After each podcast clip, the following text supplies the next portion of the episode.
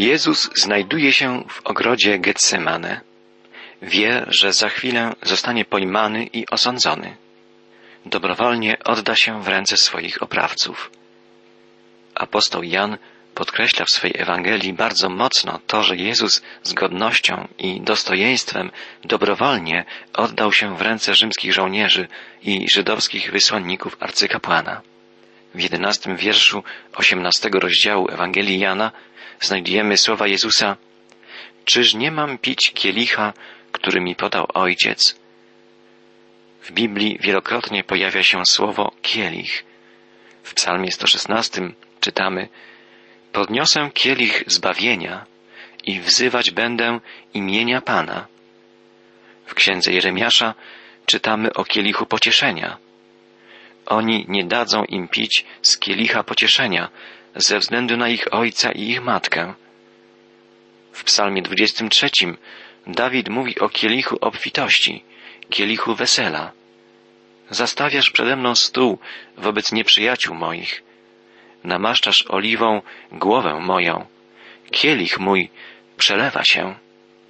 Kielich, który podaje Jezusowi Bóg Ojciec, nie jest kielichem pocieszenia ani kielichem radości. Jezus modlił się w Getsemane, Ojcze, jeśli to możliwe, niech mnie ominie ten kielich. Ten kielich to kielich sądu. Jezus zostanie osądzony za grzechy całej ludzkości. Każdy człowiek, który odrzuci Jezusa, będzie musiał wypić kielich Bożego Sądu. Jezus wzdrygał się przed wypiciem tego kielicha, bo był człowiekiem doskonałym, bezgrzesznym. Wypił go jednak ze względu na nas. Zawartością tego kielicha był mój i Twój grzech. Kielich Bożego Sądu wypiją wszyscy, którzy nie przyjęli Bożego daru zbawienia. Kielich ten zostanie zesłany wszystkim bezbożnym po powtórnym przyjściu Chrystusa na ziemię. Na bezbożnych Pan zsyła deszcz rozżarzonych węgli i siarki, a wicher palący jest udziałem ich kielicha. Czytamy w psalmie jedenastym. Kielich sądu jest kielichem Bożego gniewu. Tak bowiem rzekł Pan, Bóg Izraela, weź z mojej ręki ten kielich wina gniewu i daj z niego pić wszystkim narodom, do których cię wysyłam. Tak prorokuje Jeremiasz. A Pan Jezus powiedział, czyż nie mam pić kielicha, który mi podał Ojciec? Chrystus nie mówi, Ojciec mój jest sędzią, a ja wypiję kielich, który mi podaje i zrobię to na Jego rozkaz. Nie. Jezus mówi, czyż nie mam pić kielicha, który mi podaje Ojciec? Te słowa Jezusa mówią o Jego posłuszeństwie i pokorze i o miłości, jaką darzy On Ojca i nas, grzeszników. W dwunastym i trzynastym wierszu osiemnastego rozdziału Ewangelii Jana czytamy W tym momencie żołnierze rzymscy, ich dowódca i strażnicy żydowscy pochwycili Jezusa i związali. Następnie zaprowadzili go do Annasza. Był on teściem Kajfasza, który w tym roku pełnił urząd arcykapłana. Przywódcy religijni Izraela byli tymi, którzy zaaranżowali pojmanie Jezusa. Skorzystali z oferty Judasza i aresztowali Jezusa z dala od tłumu pielgrzymów, którzy przybyli do Jerozolimy na święto Paschy. Jezus został związany jak złoczyńca. Nie było to potrzebne. Jezus nie stawiał żadnego oporu. On jest Bożym barankiem przeznaczonym na rzeź. Jest jak owca, poddająca się tym, którzy ją strzygą. Zaprowadzono go najpierw do Annasza. Annasz był arcykapłanem przed Kajfaszem. Stale mieszkał jeszcze w pałacu zajmowanym przez kolejnych arcykapłanów Izraela. Historycy opisują Annasza jako jednego z najbardziej inteligentnych i najbardziej bezwzględnych arcykapłanów żydowskich. Urzędującym arcykapłanem oficjalnie był zięć Annasza, Kajfasz. Jego popierali Rzymianie, ale rzeczywistym przywódcą religijnym i politycznym Żydów był stary Annasz. Najprawdopodobniej to on odegrał główną rolę w uknuciu spisku przeciw Jezusowi, w zaplanowaniu aresztowania Jezusa, w zaaranżowaniu formalnego procesu i skazaniu Jezusa na śmierć. Gdy myślimy o takich postaciach jak Annasz, Kajfasz czy Judasz, pomyślmy o całym narodzie żydowskim. Jak wiele prześladowań na przestrzeni wieków spotkało ten naród z tego powodu, że tacy ludzie jak Annasz czy Judasz byli Żydami. Również w historii Kościoła jest wiele ciemnych kart zapisanych przez ludzi, którzy nazywając Żydów mordercami Chrystusa, prześladowali ich, zabijali lub wypędzali. A przecież Żydami byli także apostołowie Jezusa, którzy rozgłosili wieść o Zbawicielu całemu światu. Apostołowie Paweł, Piotr i Jan, autorzy większości pism Nowego Testamentu, byli Żydami. Ojciec wiary Abraham, Mojżesz, Dawid, wszyscy prorocy Starego Testamentu byli Żydami.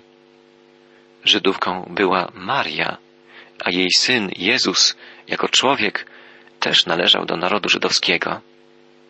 Jak wiele zawdzięczamy temu narodowi.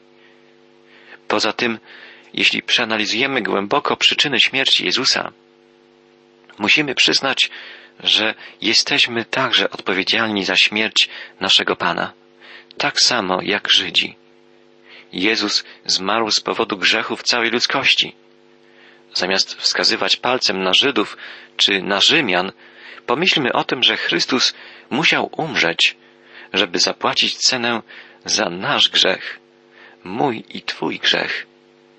To Kajfasz swego czasu i jeden człowiek umrze za cały naród. Czytamy w wierszu czternastym. Kajfasz zapowiedział to, co się wkrótce wydarzy. Wspólnie ze swym teściem Annaszem widzi tylko jedno wyjście. Jezus musi umrzeć. Wydaje się im, że w ten sposób uchronią swój naród przed interwencją ze strony Rzymian. Wiemy z historii, jak bardzo się mylili. Cały proces Jezusa był farsą. Wyrok był ukartowany z góry. Przeczytajmy piętnasty i szesnasty wiersz osiemnastego rozdziału Ewangelii Jana. Szymon Piotr i jeszcze jeden uczeń poszli mimo wszystko z Jezusem. Uczeń ten znany był arcykapłanowi i w ślad za Jezusem dostał się na dziedziniec pałacu arcykapłańskiego. Piotr natomiast zatrzymał się na zewnątrz, przed bramą. Wtedy ten uczeń znany arcykapłanowi wyszedł, poprosił odźwierną i wprowadził Piotra na dziedziniec. Jezusa zaprowadzono na dziedziniec arcykapłana, a za nim weszło tam dwóch uczniów. Byli to Piotr i Jan, autor Ewangelii, który nigdy nie wymienia swojego imienia, gdy pisze o sobie. Jan był znany w pałacu arcykapłana i widocznie nie groziło mu niebezpieczeństwo. Inaczej rzecz miała się z Piotrem. Jan musiał porozmawiać z odźwierną, żeby wpuściła Piotra przez bramę do środka. Widzimy, że z Piotrem dzieje się coś niedobrego. Czuje się na dziedzińcu arcykapłańskim bardzo niepewnie. Z relacji innych ewangelistów wiemy, że odźwierna zauważyła, że Piotr posługuje się gwarą, zdradzającą, że pochodzi z Galilei. Piotr jest prostym rybakiem i mówi gwarą. Po raz pierwszy znajduje się na dziedzińcu arcykapłana i to w takich okolicznościach. Czuje się źle. Jest przerażony. Podejrzenia niepozornej służącej powodują, że zapiera się Jezusa. Odźwierna spytała Piotra, czy ty także jesteś uczniem tego człowieka? Piotr odpowiedział, nie. Tymczasem słudzy i strażnicy świątyni rozpalili ognisko, stanęli dokoła i grzali się, bo było zimno. Piotr również stanął wśród nich i grzał się.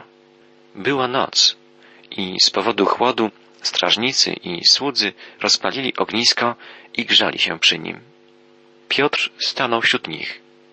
Wstrząsały nim dreszcze powodowane nie tylko zimnem, ale i strachem.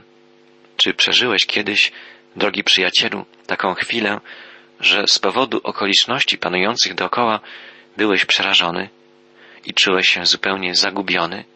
Piotr czuł się zapewne tak, jakby wszystko usuwało się mu spod nóg. Jego nauczyciel i mistrz, z którym przebywał na co dzień przez trzy lata, jest teraz przesłuchiwany przez arcykapłana, przywódcę religijnego Żydów. Większość z nas ma posturę Piotrową. W osamotnieniu tracimy odwagę. Jesteśmy w stanie powiedzieć rzeczy, których nigdy nie powiedzielibyśmy, gdyby otaczali nas przyjaciele. Często robimy wtedy głupstwa, których potem się wstydzimy. Nam, chrześcijanom, uświadamia to dobitnie potrzebę trwania w łączności z innymi chrześcijanami i potrzebę łączności z żywym Bogiem. Po to stąpił na ziemię Duch Święty, żeby powołać do życia społeczność Bożych dzieci, czyli Kościół, i żeby wzmacniać i ożywiać naszego ducha i zapewniać nas o ciągłej Bożej obecności i o Bożej miłości. Dalej czytamy od wiersza dziewiętnastego. Arcykapłan przesłuchiwał właśnie Jezusa w sprawie jego uczniów i jego nauki. Jezus oświadczył, mówiłem jawnie wobec świata, nauczałem zawsze w synagodze i w świątyni, gdzie gromadzą się wszyscy Żydzi. Nigdy nie mówiłem potajemnie. Dlaczego teraz mnie wypytujesz? Zapytaj tych, którzy mnie słuchali. Oni wiedzą, co im mówiłem. Jezus nie ma nic do ukrycia. Nauczał w świątyni i w synagogach. Ci, którzy chcieli go słuchać, mogli słuchać jego nauk przez kilka lat. Arcykapłan nigdy nie skorzystał z tej możliwości. Po tej odpowiedzi jeden ze stojących obok strażników uderzył Jezusa w twarz i krzyknął Tak odpowiadasz arcykapłanowi? Na to Jezus odrzekł Jeżeli powiedziałem coś niestosownego, udowodnij mi to, a jeśli miałem rację, to dlaczego mnie bijesz?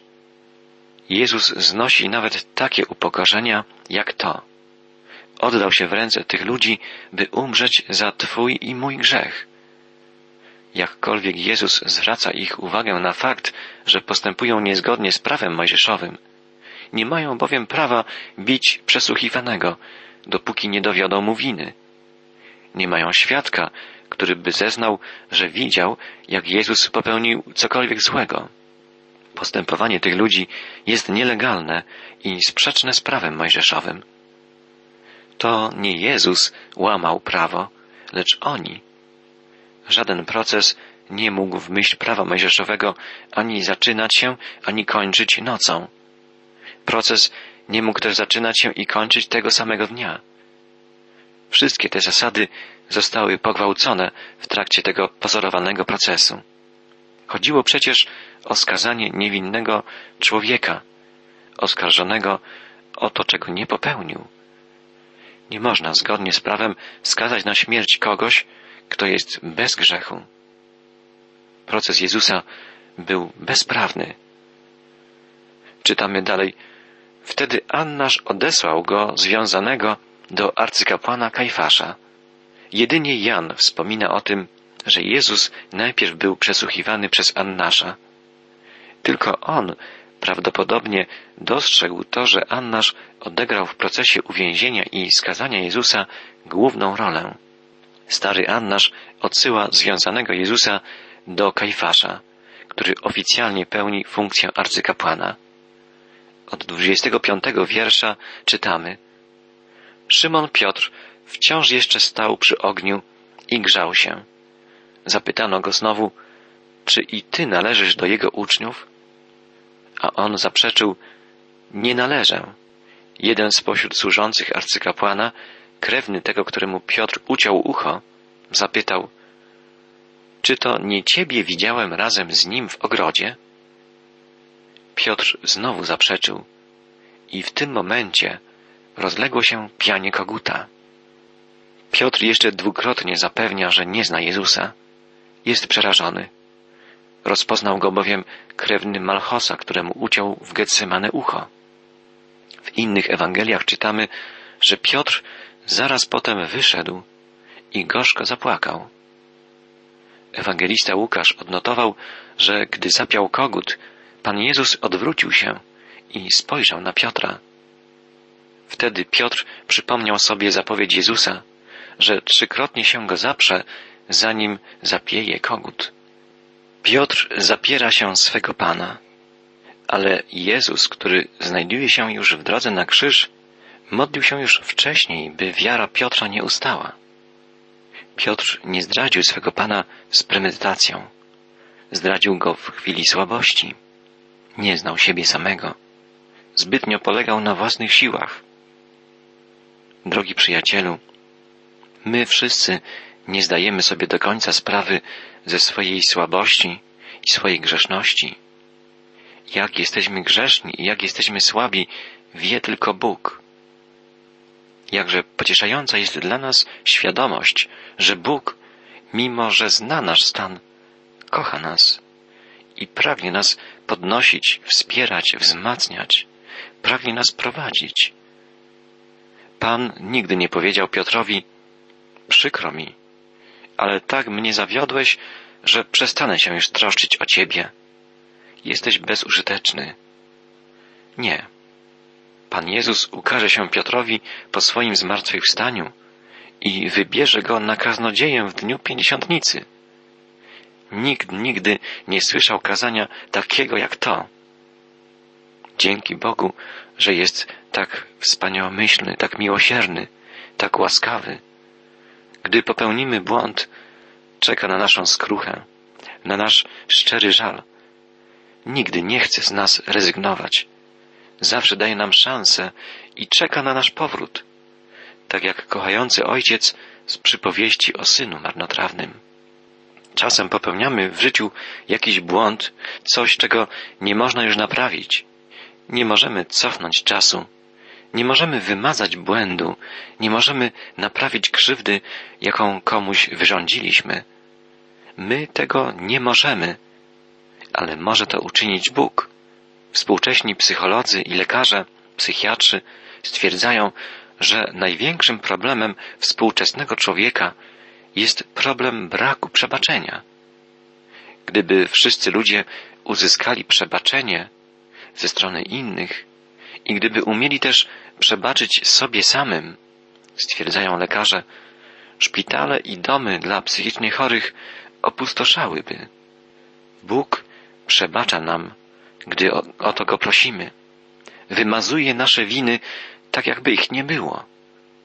Nasze błędy, nasze grzechy przyjmuje na siebie Pan Jezus. Chrystus poniósł je na krzyż, żeby wraz z nimi umrzeć. Dzięki temu Bóg może nam przebaczyć wszelkie zło, jakie popełniliśmy i popełniamy. Bez wątpienia jest to najwspanialsza rzecz na świecie. Jest to największy dowód Bożej miłości.